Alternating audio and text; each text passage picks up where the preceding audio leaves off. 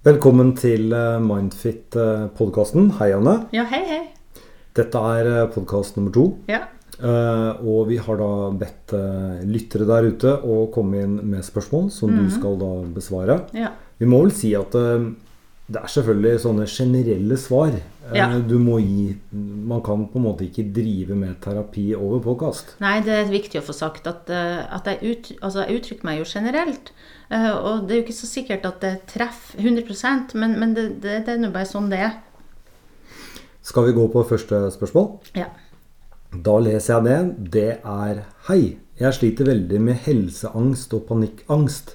Har gått i behandling hos psykolog i litt mer enn tre år nå, kognitiv terapi. Jeg føler at jeg ikke blir bedre, heller verre.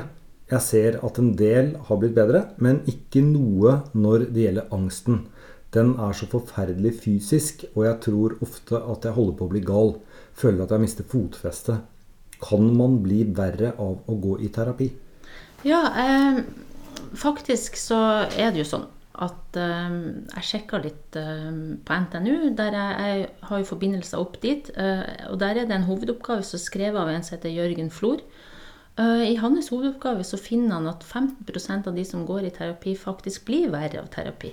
Så han er veldig opptatt av, og flere med han, at en må prøve å forske på og finne ut hva det er som gjør at de blir verre av terapi, de 15 prosentene. Kanskje har vi psykologer vært litt for lite opptatt av å få feedback fra klientene våre. Eh, Det er det jo òg flere som mener. Det er ei som heter Birgit Walla som har skrevet bok om det. Der hun sier at, at, at eh, det å få direkte feedback på hvordan det her virker, er veldig viktig, og at du hele tida må innhente den feedbacken. Så jeg vil jo si i utgangspunktet her eh, at når du opplever at du blir verre av terapi, så håper jeg du har en terapeut som snakker med deg om det. Altså at du har en type forhold til terapeuten din som gjør at du tør å si fra om det. Og at du har en terapeut som ikke går i forsvar, men klarer å, å gå inn i det og snakke med deg om det. Og når du har gått lang tid i terapi, eh, over flere år, så er det jo enda viktigere å ta opp altså, Er det meningsfullt for deg? Kommer vi noen vei? Um, en ser at gode terapeuter Det var det jo Birgit Walla fant ut av, at det er forskjell på terapeuter. At gode terapeuter de kan hjelpe 70% røftlig av de som går til seg, mens dårlige terapeuter hjelper kanskje bare hver femte person. Um, jeg vil også si en ting til om det her, fordi um, hva um, Når en har en sånn type angst som er veldig fysisk, så er det jo Det høres jo logisk ut, da. At en må jobbe med å tolerere den angsten i behandling. Uh, og at de må bruke tid på det i terapien. Hvordan skal jeg klare å tolerere og holde ut den angsten? Så det å hele tida unngå situasjoner vil jo ofte forsterke angsten. For at da får en mye forventning til at når en skal gå inn i situasjonen, så blir det her ille.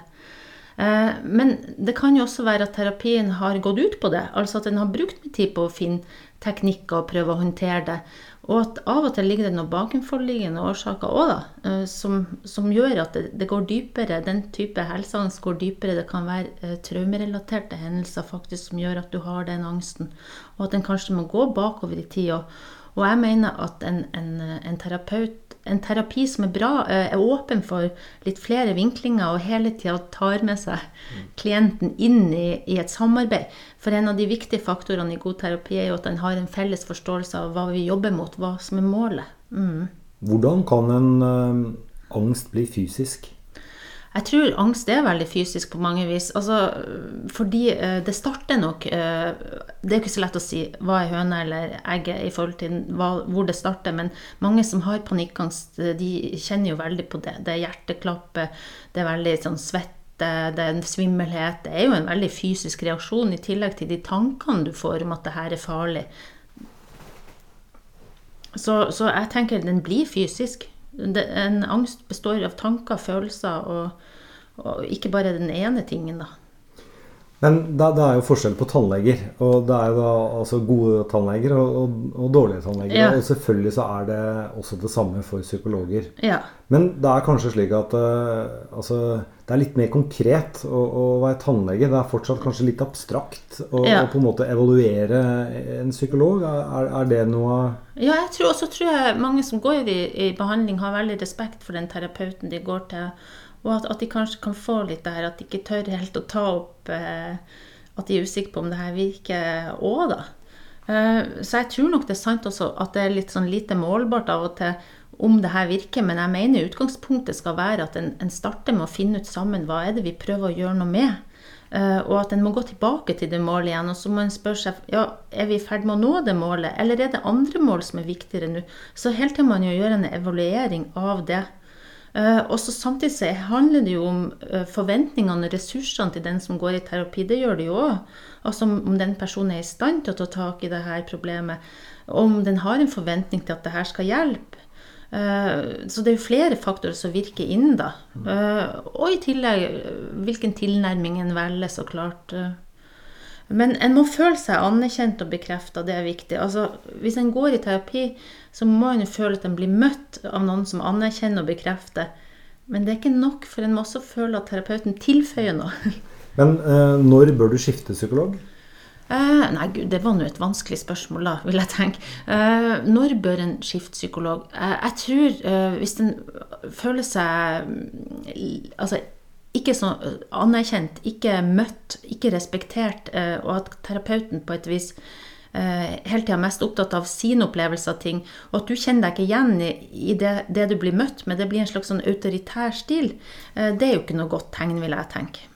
Men tilbake til, til, til, spørsmålet her. Altså, her har vedkommende altså gått i behandling i tre år, føler at eh, Eller han eller hun føler at hun, han eller hun da blir verre.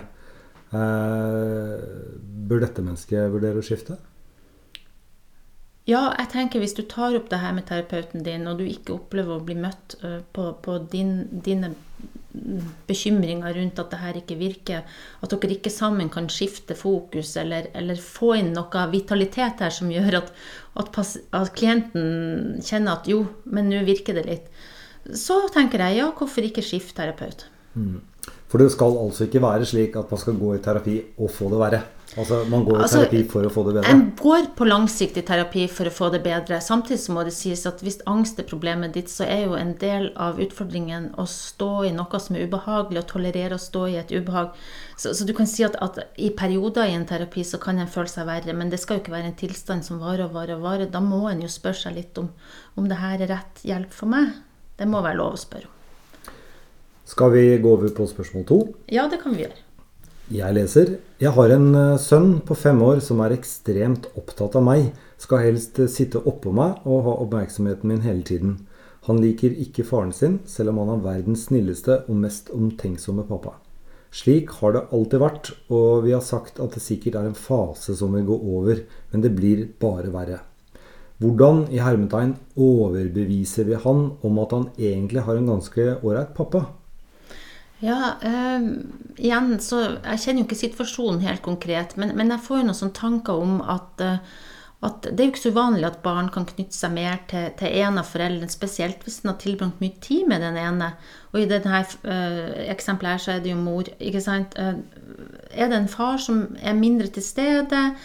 barnet søker jo lettest mot den som er der mest.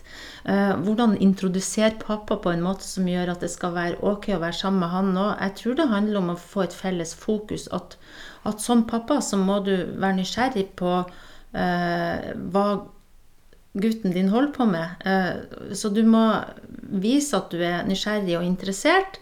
Eh, og, så må du prøve å bygge videre ut derfra. Uh, og da tenker jeg at alle tre òg kan gjøre positive ting sammen. At, at, det er jo ikke sånn at da må far og, og sønn gjør alt det her alene på egen hånd. Men, men, men kanskje bygg, bygg, også ut til at far og sønn er det noe de kan gjøre sammen som kan være lystbetont og, og, og gjøre at de får et bedre forhold. Da. Eh, det er jo noen barn også som er engstelige og, og kanskje var for Uh, høy altså, altså, på et vis uh, Hvis du ikke er så vant til å være sammen med faren din, så kanskje du føler at han ja, Du kan føle at han er strengere, eller at han har en annen måte å håndtere ting på enn det mor har. Enda han kan være verdens snilleste mann, det er ikke det. Uh, og, og, da er det noe med å og kanskje forstå litt også at sønnen din er litt usikker. Så jeg tror det, det er viktig å ha toleranse for den usikkerheten, og ikke bli irritert på det. Altså tåle det litt, da. Mm. Og samtidig prøve sjøl å være positiv og interessert. Men det høres jo som, som ganske Jeg skjønner at det må jo være ganske ekkelt eh, for far her, da. Altså, ja. liksom, sønnen vil ikke vite av en, på en måte. Ja. Men da er det viktig å ikke prøve å trenge seg på. Da. Altså det, det er kanskje lurt at alle tre på en måte At man begynner der. Ja, begynner der. Og så vil jeg også tenke at hvis du viser interesse, og viser at du eh, vil, vil sønnen din vel, tilbringe tid med han, så vil det jo kunne løse etter hvert, vil jeg tenke. For i utgangspunktet her så er det jo en far uh, som blir beskrevet som snill og omtenksom. Uh, så jeg tenker det vil gi resultater. Men en må kanskje tåle at det tar litt tid, og så må en ikke bli En må bite litt i seg en skuffelse hvis en blir avvist òg, da. Og så bare ikke gi seg. Vær på tilbudssida likevel, vil jeg tenke. Mm. Men det er såpass naturlig dette her at uh, ting går i faser og sånn, så vi bør vel kanskje ikke Eh, anbefale de å sende denne sønnen på fem år i barneterapi akkurat? Han må ikke nødvendigvis det. Det tenker jeg absolutt ikke. Eh, hvis ikke det er et barn som er engstelig, og at det som gjør at han Altså, Engstelige barn de kan jo ha mer eh, separasjonsangst. De, de, søker trygghet eh, kanskje bare til én person, og det kan være en som begynner eh, Altså, en trenger å utfordres ekstra på å søke utover, da. Og at en kanskje trenger noe råd og veiledning på det. Jeg vil nå i utgangspunktet tenke til helsesøster og sånne ting. Jeg, da. Men, men, psykolog kan jo også brukes i det. Det spørs hvor omfattende det problemet har blitt, egentlig. Mm. Det er ikke noen nedre grense på aldersgrense på Nei, det er ikke det. For at uh, i, altså, barne- og ungdomspsykiatrien de hjelper jo barn der kanskje hjelpa går mer på å veilede foreldrene til hvordan de skal håndtere at unger har utfordringer og sånn, og det kan jo være helt nyfødte òg, det. Og, og, barn som har, er så Du kan si barn som har blitt fem år, de har jo masse tanker rundt ting sjøl. Når språket kommer på plass, så, så kan en jo hjelpe små barn òg. Mm. Det var uh, de to spørsmålene som vi hadde denne gangen. Ja. Og uh, du der ute, har du spørsmål, så er det bare å skrive dem inn. Uh, så kan det hende at de blir da besvart i Mindfit sin podkast nummer tre. Ja, flott. Inntil da, ha det bra. Ha det.